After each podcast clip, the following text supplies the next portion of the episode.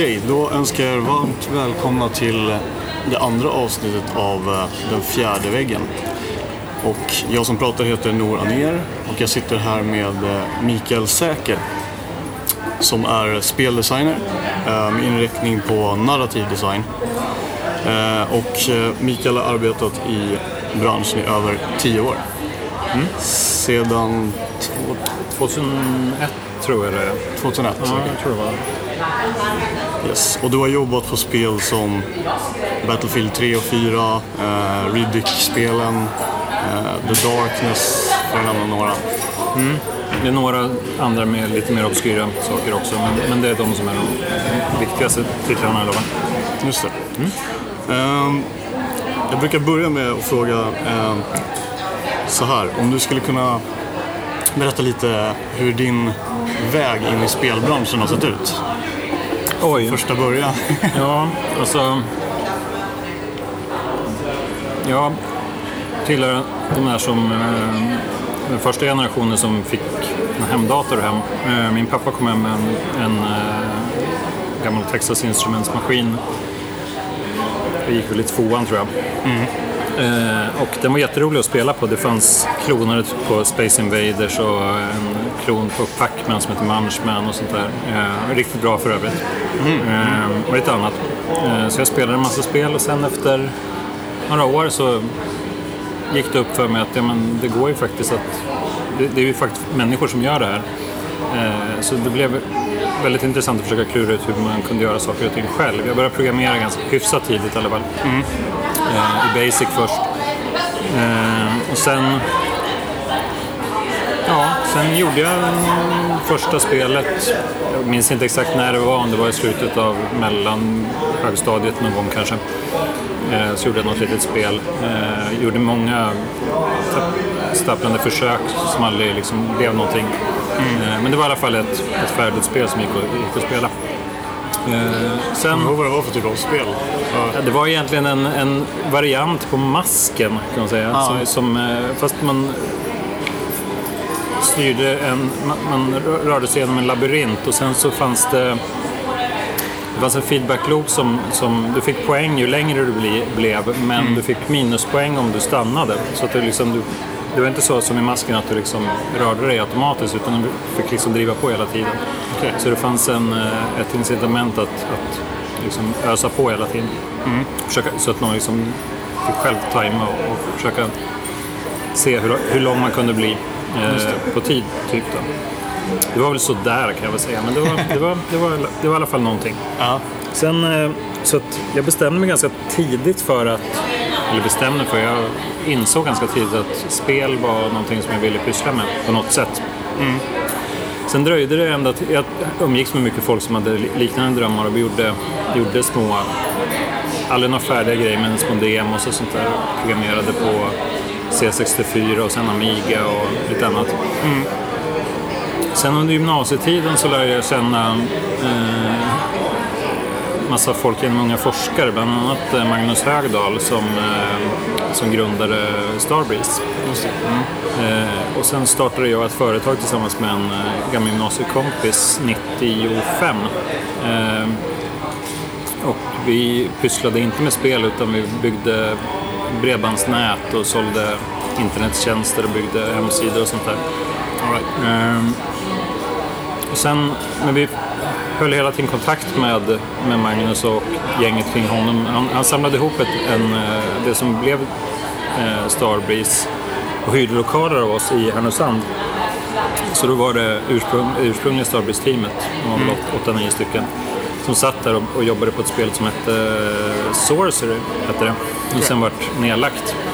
Och 2000, 2000 eller något sånt där tror jag, eller 99 kanske, minns inte exakt, så flyttade de ner till Uppsala och slog ihop sig med O3 Games. Okej. Och gjorde ett spel som hette Enclave. Som eh, till Xbox först och främst, men jag tror det släpptes på några andra plattformar. Eh, eller det gjorde det. Eh, och sen 2001 så, fick, så kom, ja vi av någon anledning så hade vi, vi fortsatte ha kontakt. Jag pluggade på filmskola här i stan och läste lite annat. Här i Stockholm alltså. Okej. Eh, och eh, så fick, ja, de undrade om jag hade lust att komma till Uppsala och eh, prova att jobba på, på eh, det som sen blev det första Riddick-spelet. Och det tyckte jag lät jättespännande så att då hoppade jag på det. Just det. Eh, och det, den, ja, sen var jag inne. Så gjorde jag det spelet först. Jobbade även på ett spel som hette Knights of the Temple som kom. Vi gjorde, jobbade på ett... Det var alla möjliga. Det var Enclave 2 var i livet ett kort tag och sen så gick förläggaren som låg bakom det i konkurs och sådär. Så det, det, det var, var mass, massvis med små projekt och pitchar och grejer som aldrig blev någonting. Men det var, vi, vi jobbade på först Riddick, andra Riddick-spelet, eh, The Darkness däremellan, Knights of the Temple. Var de som var på, Starbreeze. Sen eh, slutade jag där efter fyra och ett halvt år och sånt. Eh, och bestämde mig för att prova att jobba som, som egen, som frilansande. Eh, manus, manusförfattare och speldesigner. Och det gick så där.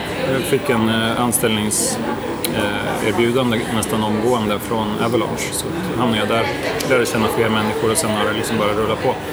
Men sen eh, fyra år, tror jag det är, eh, tillbaka så, har jag, så, så är jag egen. Så, Just det. så jag jobbar projektvis för lite olika. Just nu sitter jag på King till exempel. Jag jobbar på DICE tidigare och, och lite andra ställen. Alltså det är det som har varit ditt mål hela tiden på något sätt? Att, eller det låter som det. Eh, vad tänkte du? Att, att, att eh, ha egen firma och kunna, eller Ja, eller- frilansa. Egentligen, alltså, i sig är inte det något mål för mig, utan det handlar mer om att, att jag väl, vill välja vilka projekt jag vill jobba på. Och Okej. sådär. Och sen, har jag, ham- sen har jag kommit till ett läge när det har fungerat väldigt bra för mig. Jag känner folk. Alltså, spelbranschen i Sverige är ganska liten, så om man jobbar på två, tre företag så känner man nästan alla. Eh, då, ja, man behöver kontakter för att kunna göra, göra det här. Så jag, för mig har det fungerat bra. Eh, men man, jag har ingen anställningstrygghet. Till exempel just nu så har jag kontrakt fram till september. Eh, sen vet jag inte vad som händer. Nej. Det löser sig nog. Men som sagt, du, du har jobbat länge så du har kontakterna så då är det väl lättare att göra den grejen antar jag. Ja, absolut. Jag skulle inte rekommendera att försöka jobba som konsult eller frilans om man inte har, har en del fötter inne och känner människor. Och sådär. Så det kan, man, det kan man vänta några år med i alla fall. Skulle du kunna berätta lite om eh, till exempel första Riddick eller något som var det första Mm. stora titeln du jobbade på? Hur det var? Det var faktiskt det första spelet som jag spelteamet som jag jobbade på, förutom små egna saker som jag har gjort. Men Okej. eh, ja, det var spännande. Det var, det var väldigt mycket på en gång. Eh, dels så var det ju ett ja, relativt stort projekt. Vi var, eh, vad kan det ha varit?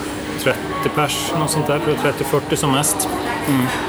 Eh, och med allt vad det innebär. Vi jobbar på en teknik som utvecklades under tiden. Så att, eh, vi hade en förläggare som, och vi jobbar på ett, eh, ett IP som inte ägdes av oss utan det fanns en tredje part som, som var väldigt protektionistisk kring IP. Så det fanns väldigt mycket approval, alltså folk som skulle ge sitt godkännande till allting. Så det var väldigt, väldigt långa turer med det där. Så vi fick liksom ta det projektet, vi tog alla jobbiga saker direkt. Så att Ja.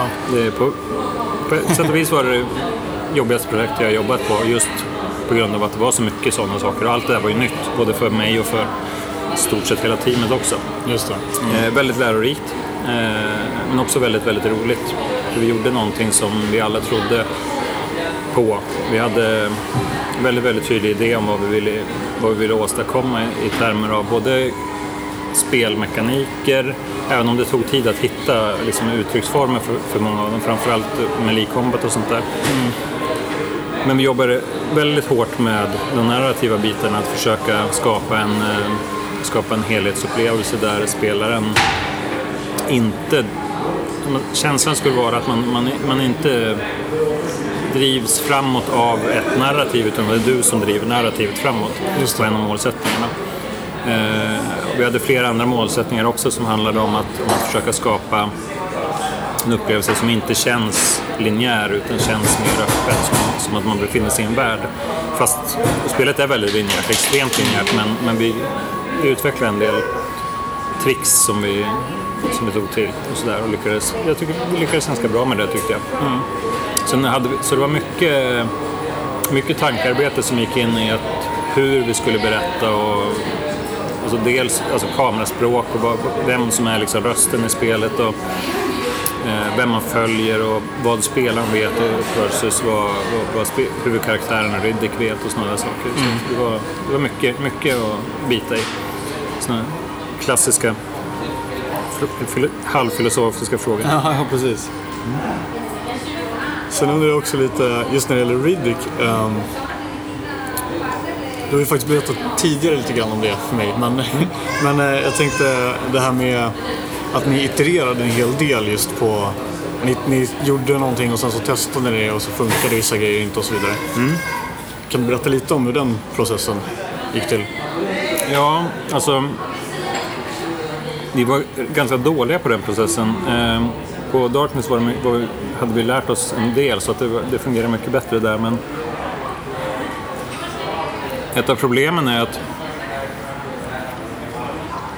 man vet nästan aldrig exakt, i, i och med att man, man inte riktigt vet hur, exakt hur spelet ska vara. Och det, teamet kan ha, eller medlemmarna i teamet kan ha väldigt, väldigt eh, Vissa kan ha en väldigt tydlig bild av vad man vill åstadkomma, andra kan ha en mer diffus bild. Mm. Och att enas omkring den där, det, det blir väldigt svårt och man liksom trevar sig fram. Eh, man kan ha en uppfattning till exempel, om vi, om vi tar Melee till exempel mm. som, ett, som ett eh, exempel så fanns det, vi hade sett Oj, nu kommer jag inte ihåg vad det hette. Det fanns ett spel på Xbox där, som var någon slags primitiv Melee Combat. Mm. Eh, och vi hade en idé om vad vi ville göra. Vi, hade, vi lät en animatör göra en eh, liten, liten previs, som, alltså i motionbilder tror jag det var. Mm. Eh, som visar liksom från förstahandsperspektiv hur hur eh, spelaren liksom pucklar på en annan, en annan person. Eh, och att översätta det där till gameplay visade sig vara väldigt, väldigt, väldigt svårt. Och krävde många iterationer. Vi testade eh, till exempel att låta jag minns inte vem det var som gjorde de första designen, men det var någon, av, någon, av, någon speldesigner som sattes ner och klurade på det där och tänkte att ja, men si och så borde det funka och sen gjorde en design på pappret och sen implementerades det, eh, gjordes animationer och sattes upp state machines och allting sånt där. Sen provspela eh, och det visade sig att det fungerar inte alls. Det kändes inte alls bra och sen, sen togs det där några vändor och liksom tillbaka till pappersdesign och fram och tillbaka. Eh, och i slutändan så revs allt det där ner och eh, en av programmerarna, Jens Andersson, satte sig under en period och tog, tog lite annat grepp på det och började Eh, mer, jag vet inte exakt hur han gjorde det men jag, jag tror att han jobbade lite mer så här känslomässigt och försökte liksom känna sig fram. Alltså implementerade ett slag först för att se liksom hur det kunde vara och liksom inte låsa ner spelaren. Mm. Utan, ja men vad händer om jag liksom bara lägger på den animationen och så kan man ge skada. Eh, och sen börja bygga liksom komponentbaserat därifrån. Liksom, men slag, man kan ta tag i någon och kanske göra, göra några eh, follow-up-slag. Eh, och då låser man fast spelaren ett kort tag. Men hur känns det? Nej, men nu känns det som att man fastnar här och då måste vi liksom korta den animationen och iterera fram en design istället. Mm. Eh, och det är den design som sen hamnar i spelet och som fungerade väldigt, väldigt väl. Mm. Eh, och det där sättet att jobba på tror jag nästintill nödvändigt när man gör spel just för att det är så otroligt svårt att förutsäga vad det är som kommer att fungera och inte fungera. Mm. Eh, spel är nästan alltid extremt komplexa. Eh, både i termer av mekanik och liksom vad, vad, väldigt mycket saker som ska föras ihop i alla fall. Eh, så att det är inte så stor mening att försöka göra, tänka ut för mycket detaljer för tidigt. Eh, och vi gjorde ganska mycket sånt. I början av Riddick till exempel så, så la vi ganska mycket tid på att tänka ut massa detaljer i förväg. Och det kan man göra för att det, det är liksom en bra övning, men mm. man ska vara väldigt medveten om att de här sakerna kommer man tvingas kasta. Man, man får se det som en, liksom en startpunkt bara. Och sen, sen får man liksom börja jobba någonstans och sen får man revidera allting efterhand. Eh, så det där var en, det var en väldigt, väldigt lärorik och bra process. Vi gjorde också många misstag när vi, när vi tog design för långt innan vi liksom faktiskt testade. Mm. Vi ser till exempel i Riddick där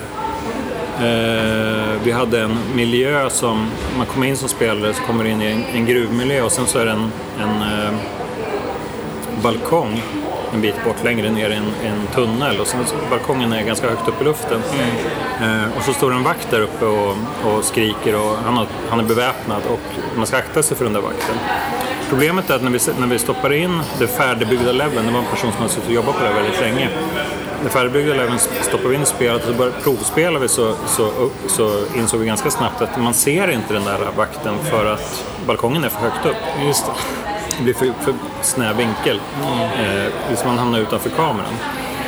Eh, och det jobbiga var ju då att ja, men vi var ju tvungna att fixa det där. Eh, och den stackars level designer som, som byggde det fick ju gå tillbaka och liksom riva bort en hel våning och bygga om jättemycket. Eh, och det där blev vi bättre på. I, i Darkness så, så blockar vi ut stora delar av spelet i liksom whitebox bara snabbt. Bara för att få ut liksom volymer, få ut avstånd och liksom hur, hur man ser. Eh, och, och det där är väldigt, väldigt viktigt att göra om man vill spara arbete. Annars kan man Ja. Annars får man göra om saker i onödan. Men så ni whiteboxade ingenting innan dess i Riddick? Så... väldigt, väldigt lite. Ah, okej. Vi började göra det mot slutet lite grann, men, men det, var, det, var, det var inte speciellt mycket whiteboxing. Inte. Vi jobbade mycket med pappers, alltså whiteboard. Vi satt liksom i ett rum, ett gäng och diskuterade hur en level skulle vara. Dels utifrån ett narrativt perspektiv och, och gameplaymässigt hur det skulle funka. Eh, och så ritade vi på en whiteboard och fotograferade av det och sen så gick det till eh, ut eh, och, och så började, man, började vi bygga. Vi tittar ju självklart på allting i spelet men det är, det är en sak att freeflya runt och liksom kolla Jo. på det, en annan sak att faktiskt spela det. Precis. Så, men bara just den där banan, liksom, hur lång tid tog det innan ni testspelade den då? Jag minns inte, det här var ju 10, ja, 10 år, 12 år sedan nästan. Eh, Så jag minns faktiskt inte, men den den var, den var inte superpolerad, var den inte, men det var ändå, det låg säkert två veckors arbete i den eller något sånt Oj, där. okej. Kanske en vecka så försvann eller någonting, jag vet, jag vet inte exakt. Hur, hur gjorde ni innan då? Alltså med den första prototypen så att säga som ni, som ni hade börjat på när ni hade gjort en design på pappret. Vad, vad var det som inte funkade där? Vad vi, det? Ja, vi, ja, vi gjorde ju ett demo eh, ganska tidigt som hade flera olika hade flera mål. Dels handlade det om att försöka bevisa för vår förläggare och för oss själva att vi hade teknik som, som höll.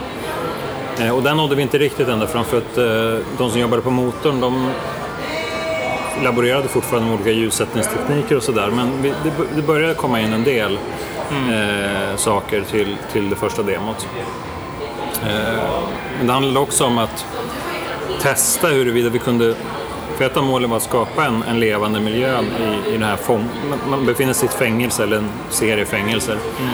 Och att skapa en en fä- fängelsemiljö med mycket folk i och det ska kännas som att det verkligen är liksom hotfullt och det, men ändå levande. Och så visste vi att vi hade kraftiga begränsningar på hur mycket vi kunde ha på skärmen samtidigt. Till exempel så hade vi en gräns på fyra karaktärer förutom spelaren. Då. Eh, och det var också en utmaning att försöka klura ut sätt att skapa en miljö med så få karaktärer. Att liksom försöka dela upp den på ett smart sätt så att man bara så, man, det myllrade av karaktärer men man såg bara fyra åt gången. Ehm, och sen, vi, sen ville vi också testa de olika spelmodesen. Det var dels eh, melee combat och det var smyga, eh, skjutmekaniken, väldigt basic. Eh, och, och de narrativa bitarna också. Så vi gjorde ett ganska omfattande demo som vi jobbade på i två månader tror jag, eller något sånt där. Eventuellt mer. Eh, som var ganska långt. Det, var, det var nog, tog nog närmare en timme att spela igenom det. Eh, och den, det slängde vi i princip allting av sen i slutändan. Så, och vi gjorde om allting. Men för vi, lä- vi lärde oss väldigt, väldigt, väldigt mycket om en rad olika saker. Vad gäller det narrativa till exempel så, så hade vi en idé om att vi ville göra lite så light RPG eh, mission så att man, man kunde liksom få ett mission och då var det mycket, vi funderade mycket på liksom, ja, men ska man kunna ha mer än ett mission igång samtidigt och då behöver vi UI-stöd för det. User interface och liksom, ska man ha någon logg där man liksom trackar det här. Och sen så var det, visade det sig vara svårare än vi trodde att, att göra mission som håller en lagom svår nivå. Så att, och att kommunicera till spelaren så att man verkligen förstår vad man ska göra. Mm Eh, och ändå inte vara alldeles för mycket skriva på näsan. Det är inte helt enkelt. Så att där vi gjorde, de första testmissionen vi gjorde till det demot var alldeles, alldeles för svåra. Det var ingen som förstod vad man skulle göra. Eh, så vi tog dem och så backade vi liksom några steg därifrån eh, och hamnade på en hyfsat bra nivå i slutändan, tycker jag. Vad, vad var det som eh, visade sig vara för svårt då, när det gäller både Ja, gameplay och narrativ och så? Ja, vad gäller narrativet så handlar det framförallt att, att få spelarna att förstå vad man skulle göra. Att man, det räcker inte bara att beskriva en situation och sen så får man liksom slut. Bara, om man skulle läsa den här se, eh, sekvensen på papper så tror jag att de flesta skulle komma på vad det är man ska göra. Men i spelet så är man upptagen med så mycket annat så att man behöver vara lite tydligare. Så att det räcker inte bara låta någon göra någonting och så indirekt eh, så ska man förstå, utan man måste vara lite mer, lite mer direkt. I det här fallet så var det, jag tror missionet gick ut på att man skulle, man skulle ta sig från en del av fängelset till en annan del. Eh, och enda sättet, det fanns en transportkanal däremellan som användes av vakterna när de transporterade fångar som skulle, som skulle iväg för att eh, till exempel om de, om de hade bråkat eller bli- blev fasttagna med, med droger på sig till exempel. Och då blev, var ett av målet med mission att man skulle bli fasttagen med droger på sig.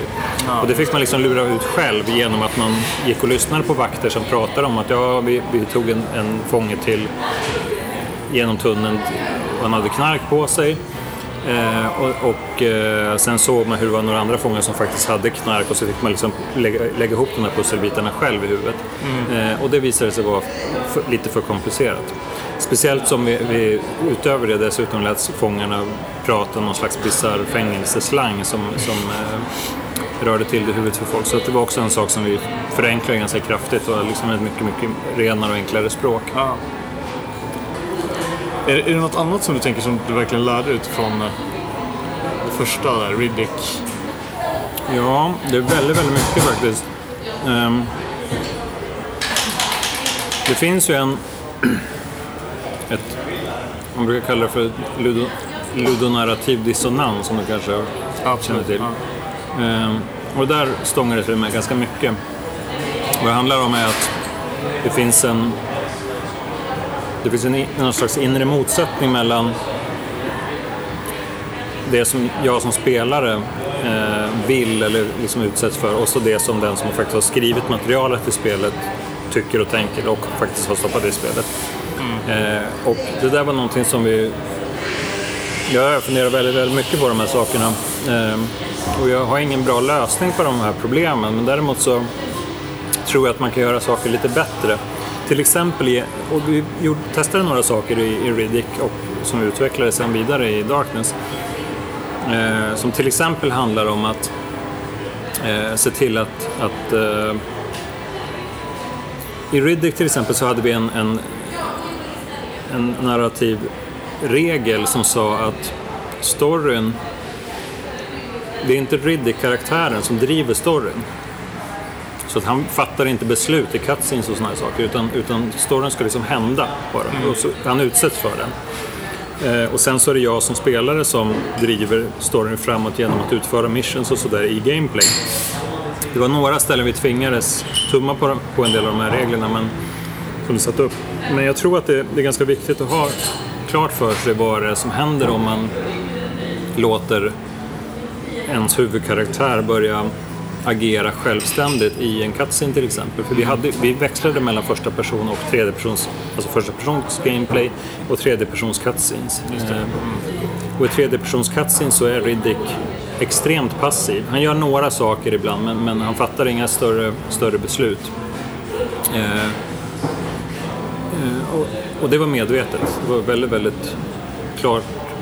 Vi hade väldigt, väldigt klart för oss att vi, det var någonting som vi ville göra. I Darkness så gick vi ännu längre och försökte verkligen undvika eh, vi undvek till exempel tredjepersons eh, kameror i cutscenes så att i nästan alla cutscenes är i, i första person. Sen finns det en del interaktionsmoment och sånt där som man ser i tredje person men då har du fortfarande kontroll. Så, där. så det var en av de sakerna som, som, som vi jobbar med och det där har jag, har jag funderat vidare på ganska mycket. Eh, Och jag tror, jag tror att det finns ett, ett inneboende problem. Och jag, jag, jag, vet, jag är inte alls säker på att jag... Ja, jag vet inte. Det som vi gjorde till exempel på DICE i, i Battlefield som är liksom där vi pratade om en del av sådana här saker men sen i slutändan så, så ble, blev det ändå väldigt, väldigt så här plottdrivet. Mm. Skrivet plottdrivet. Jag tror inte på den. Alltså visst, man kan göra spel på det sättet men jag mm. tror att vill du göra en riktigt stark, eh, intensiv spelupplevelse så är det fel väg att gå i mina ögon. Jag tror man ska försöka eh, ta bort så mycket av en narrativ röst som det bara går. Om man tar ett spel som eh, Portal till exempel så finns det väldigt lite av en narrativ röst där. Mm. Utan det, det är, den, den, är liksom inbyggd i världen mer, mer mm. än att den... Finns liksom ingen plott i sig utan det är liksom du som spelare som driver allting framåt. Samma sak i Limbo, det finns massvis med bra exempel på, på det här. Och det händer någonting med, med mig som spelare när jag spelar sådana. För man, man, man drar sig liksom aldrig ur spelvärlden och, liksom, och tvingas konfrontera någon annans förutfattade idé om vad, vad spelet ska vara utan man bara liksom, man sugs med. Mm. Vilket jag tycker är jätteintressant. Portal är ett bra exempel. Det, det är ju lite eh, liksom skriptade grejer. Mm. Men, precis, men de är ändå ganska, ganska få. Det är väldigt få saker och det mesta är sånt som, som handlar om att du som spelare eh, leds att upptäcka saker och ting. liksom man, man kikar in bakom kulisserna och ser liksom spår av saker som har varit där förut. Just det. Mm. Men det är liksom en del av världen. Det är inte så att man liksom går in i en trigger och sen så förs du vidare in i nästa, nästa del av spelet. Utan det är, det är väldigt... Det finns lite sånt men det, det är väldigt, väldigt väl maskerat. Mm. Så jag tycker det är ett bra, ett bra exempel på hur, hur, man, hur man faktiskt kan göra. Å andra sidan så, så, finns det ett problem att gå åt det hållet också. Det, det, jag tror att det är svårt att göra. Man måste tänka så fundamentalt annorlunda kring hur man berättar. Eh, och det är någonting som nästan ingen gör. Alltså nästan, nästan alla, vi är liksom, det är väldigt lätt att tänka ut en historia. Man kan liksom, om man sitter och gör ett spel så blir det lätt att man ser det framför sig som en film ungefär. Och det liksom, mm spelaren gör först det och sen gör man det. Och det har jag upp, upp, upplevt många gånger när jag sitter och Alltså jobbet när man pratar med, med andra designers och level designers och sådär. Jag själv gör, gör, gör, samma sak ibland. Att man, man beskriver en level till exempel så säger man ja men först kommer spelaren in här och sen så ser han det och så går han dit och sen så skjuter han de här och sen går han dit och där. Mm. Och då har man redan på idéstadiet bestämt spelarens liksom, val. Mm. Och sen gör man det man kan för att liksom hjälpa spelaren att fatta just de valen. Till exempel stoppa in folk som pekar, pekar rätt riktning. Man bygger levlar som, som har liksom weenies och, och allt möjligt ljussättning som pekar åt rätt håll. Och då, då tror jag att man faktiskt kommer att... Jag tror att spelaren sen känner det här. Att det här är någonting som... Det här är inte jag som, som driver det här utan det är någon annan som har haft en klar idé om vad jag ska göra. Mm. Eh, och så hänger man liksom bara på. Då blir det, en, då blir det liksom en berg och dalbana av det. Eh, och det är tråkigt, men det är väldigt lätt att, man hamnar där. För att det blir så himla vana att tänka på det sättet. Eh, all film är ju typ baserad på det sättet att tänka. Precis. Ja. Ja. Men, eh, du som har tänkt mycket på det där, hur, hur, kan man, eh, hur kan man ta sig bort från det? det är väldigt många som vill vara med och göra, jobba på stora produktioner. Mm. Eh, och där är ju risk, benägenheten och riskvilligheten inte jättestor. Det är, väldigt, det är inte så lätt att gå och säga till DICE till exempel att ja, men vi vill göra Battlefield 5 då, säger vi. Eh, och sen så, vi har en idé om att det ska vara liksom ett open world-spel där där det, liksom, det finns ingen story utan det, man, man ger sig ut och upptäcker bara och sen så träffar man på karaktärer och så bygger man sin egen story. Jag tror inte de, de köper inte det av en rad olika orsaker. Bland annat för att det är, liksom, det är så himla många o, eh, oprövade saker i, mm. i det. Det är liksom mängder med problem som man behöver ge sig på att lösa som ingen har, har löst på ett bra sätt. Just det. Eh, men jag tror, alltså personligen tror jag mycket mer på att försöka börja smått och att göra små spel och liksom gradvis ut... Ja, men Portal är är inget enormt spel. Det var ett relativt litet team som gjorde det. Eh, även om det tog lång tid och det, liksom, det är ju inget enmans, verkligen inget enmansprojekt. Men, men jag tror man behöver skala ner och försöka hitta en kärna Eh, och inte tänka för stort. Eh, jag håller själv på med ett spel som, eller jag håller på med ett, par år som, som är tänkt att, eller jag utforskar en del sådana här saker. Eh, och det är extremt avskalat och enkelt. Det är bara jag som har gjort allting i det spelet. Det kommer vara liksom ett par timmars gameplay. Men, ehm, och där det inte finns nå- nästan något berättande överhuvudtaget. Eller det finns berättande men det, liksom, det, det berättas inte för dig utan det är liksom upp till spelaren att, att upptäcka det och att skapa det på ett sätt i, i det man, man liksom spelar. Eh, och jag tror att jag skulle gärna se att fler, fler gör experiment och, och liksom testar saker och liksom utforskar det. Men hur skulle det vara att spela ett spel som bara handlar om att eh, att det jag, ja men, nu hittar jag på ett Ja. dumt exempel, men tänk om att man skulle göra ett spel som bara handlar om, där fokus ligger på att ta tillvara på de, eh, den frustration man som spelare kan känna till exempel inför olika saker. Att man gör ett spel som bara handlar om frustrationen och liksom, att det i sig får bli berättelsen. Liksom, vad är, vad, hur jobbigt var det att spela det här spelet på olika sätt? Eh, både bra frustration och dålig frustration. Jag skojade med en, kompis för, för någon vecka sedan om att man skulle göra ett spel som, som bara är en enda lång tutorial. Det skulle kunna vara ett sånt. Just det. Men det spelet du pratade om, eh, Lodestar Medium, eller? Ja, Just det. precis. Hur, eh, har du lust att berätta lite om det? Det är ett eh, 2D-spel som eh, jag tänkte att det är ri- riktat för, till iPad och tablets. Till att börja med i alla fall. Det kommer gå, man kan köra det på, på eh, desktop också. Man styr ett rymdskepp som eh, och så rör man sig mellan...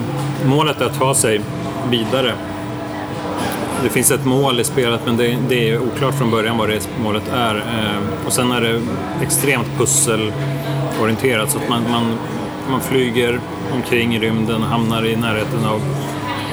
Eh, man, man börjar liksom nära ytan av en planet och sen flyger man ner i, in i planetens innandöme och så hittar man maskinerier och grejer där som man kan eh, interagera med.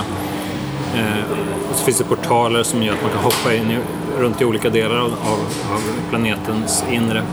Eh, och så samlar man ihop ett gäng Målet i varje planet är att samla ihop ett gäng eh, kraftceller, fyra stycken, och de använder man för att starta upp en, en, eh, en stor eh, teleporter. Och när man st- startar den så kan man teleportera sig till nästa planet.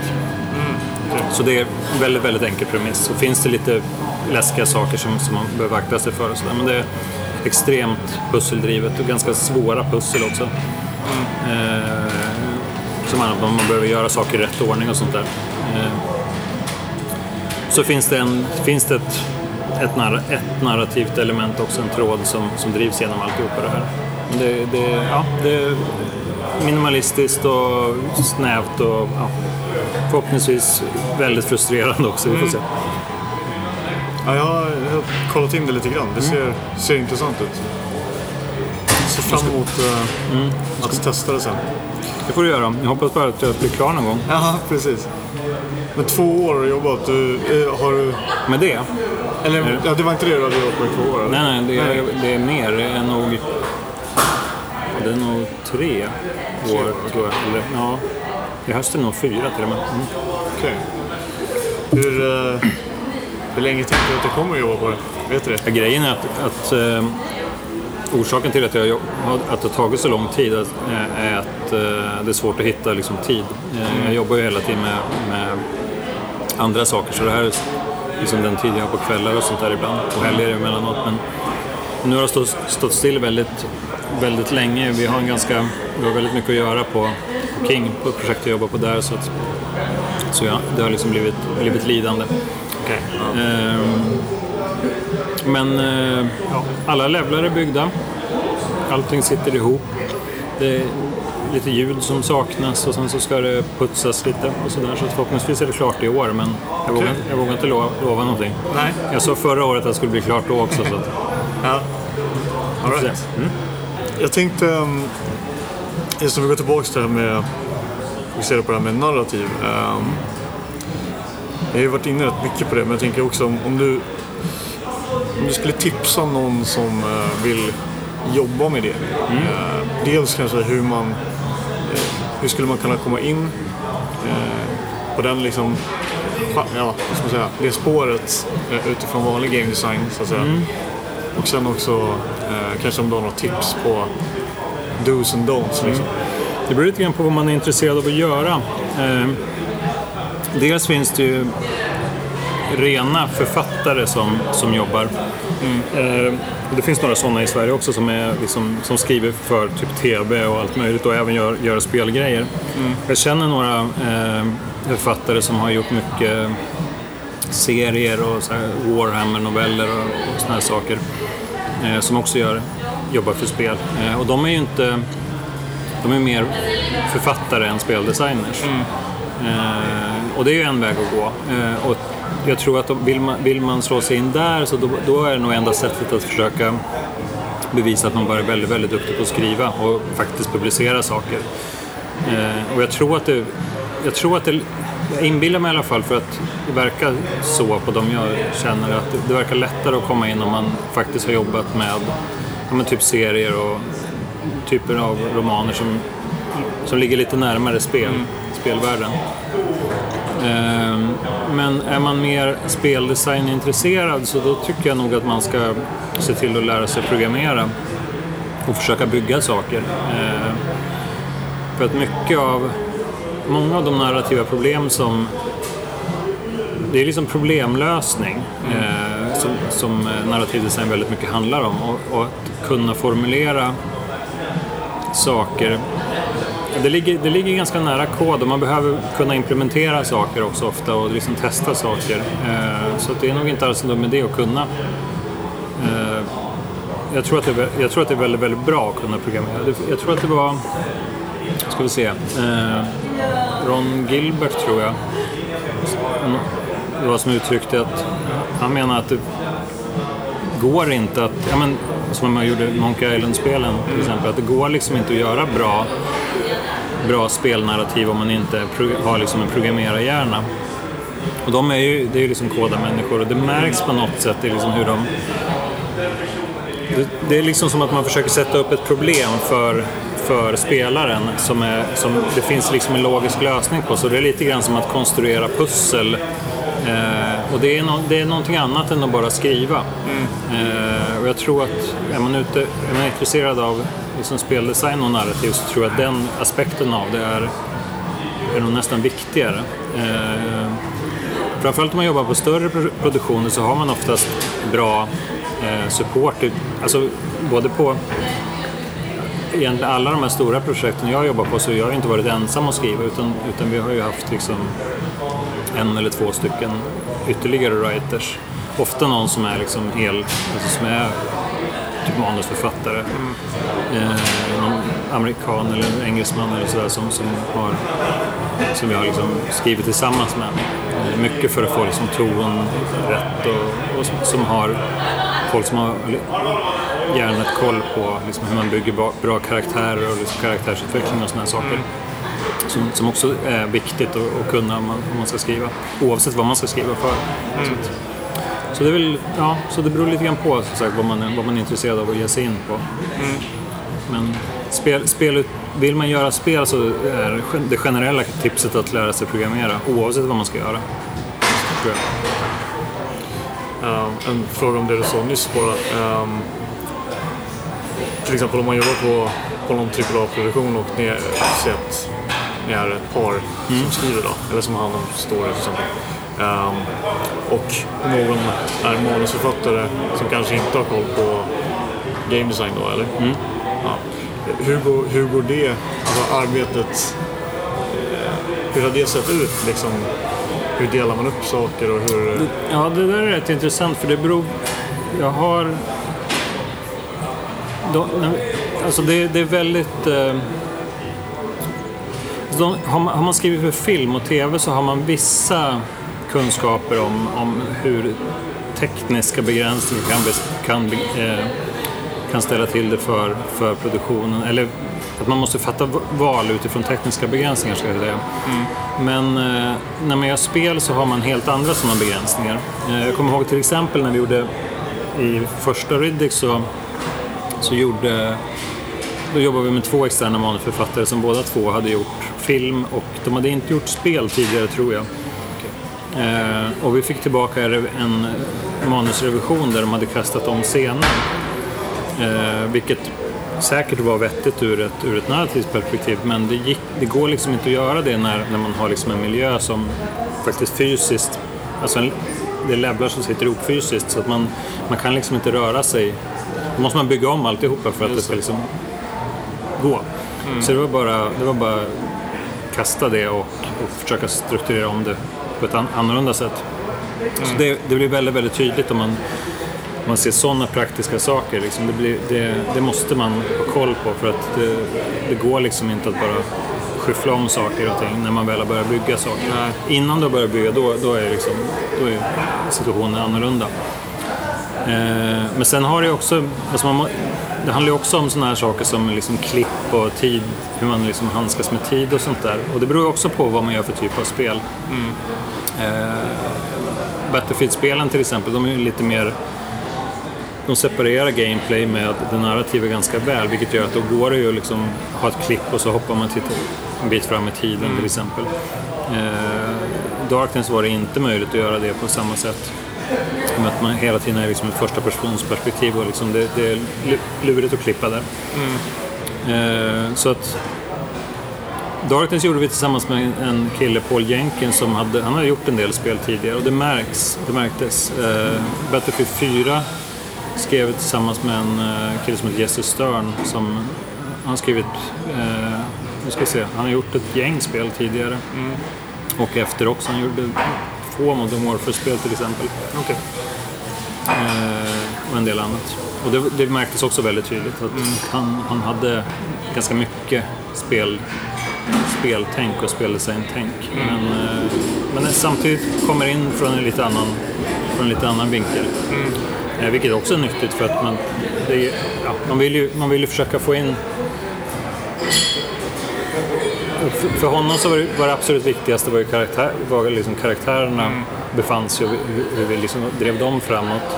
För vissa andra speldesigners så var det viktigast att vi liksom hade, hade liksom en bra pacing i gameplayet och sen så fast det level designers som ville att det liksom skulle vara stor variation i levlar och sånt där. Så det blir liksom folk som drar åt olika håll och så gäller det att försöka få ihop det där på ett bra sätt. Men eh, ja, nej men jag, jag har haft tur. Jag har jobbat med mycket bra folk. Eh, och de flesta människor är ju liksom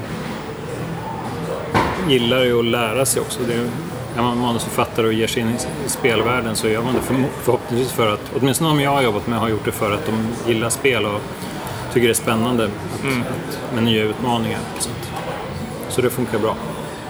Just det. Ehm, jag tror du har nämnt det tidigare också att ehm, det uppstod lite problem när eh, något bat- var Battlefield 4 eller vad, när, de ändrade om i ordningen på levels och grejer. Ja, vi, Ganska sent i ja, vi, det var i trean. Eh, trean. Uh, okay. Vi gjorde... Oj, nu ska vi se. Ja, det, det är också ett sånt exempel på... Där, där var det inte så att vi, liksom, att vi flyttade på scener, kastade om scener, utan vi flyttade, bytte plats på hela levlar. Nu kommer jag inte ihåg exakt vilka det var, men eh, Eh, det var två... Varje level var ett helt fristående mission från start till slut. Det började med liksom en introduktion, ofta introduceras en ny karaktär också. Eh, och sen av pacing-skäl så, vi, så bytte vi plats på två levlar.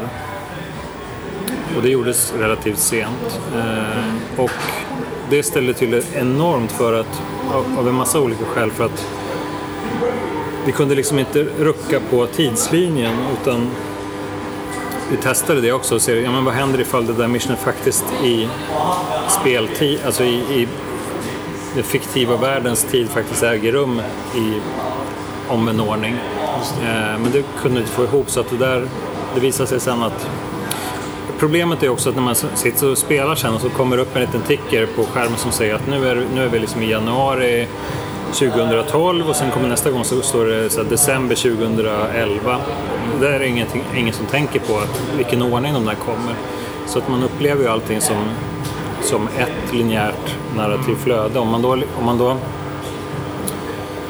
liksom kastar om de här sakerna, då måste man vara väldigt tydlig med att, att man kastar om det och ge spelaren bra liksom, ledtrådar och kunna knyta ihop det här med. Det. Eh, och det gjorde vi inte riktigt. Det, vi, det, var, det var inte planerat från början att vara så, så uppbrutet narrativet som, som det sen blev i slutändan. Så att det, det blev väldigt, väldigt rörigt. Eh, och jag tror att de flesta som spelar spelet sen i slutändan, de hängde inte riktigt med alltid vad som, vad som faktiskt hände. Eh, Så det, det blev komplext. Och det, jag tror man ska... Ja.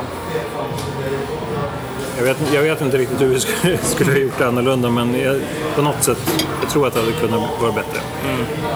Men det är väl så här, det, intressanta problem som dyker upp liksom, just i den här, den här formen av...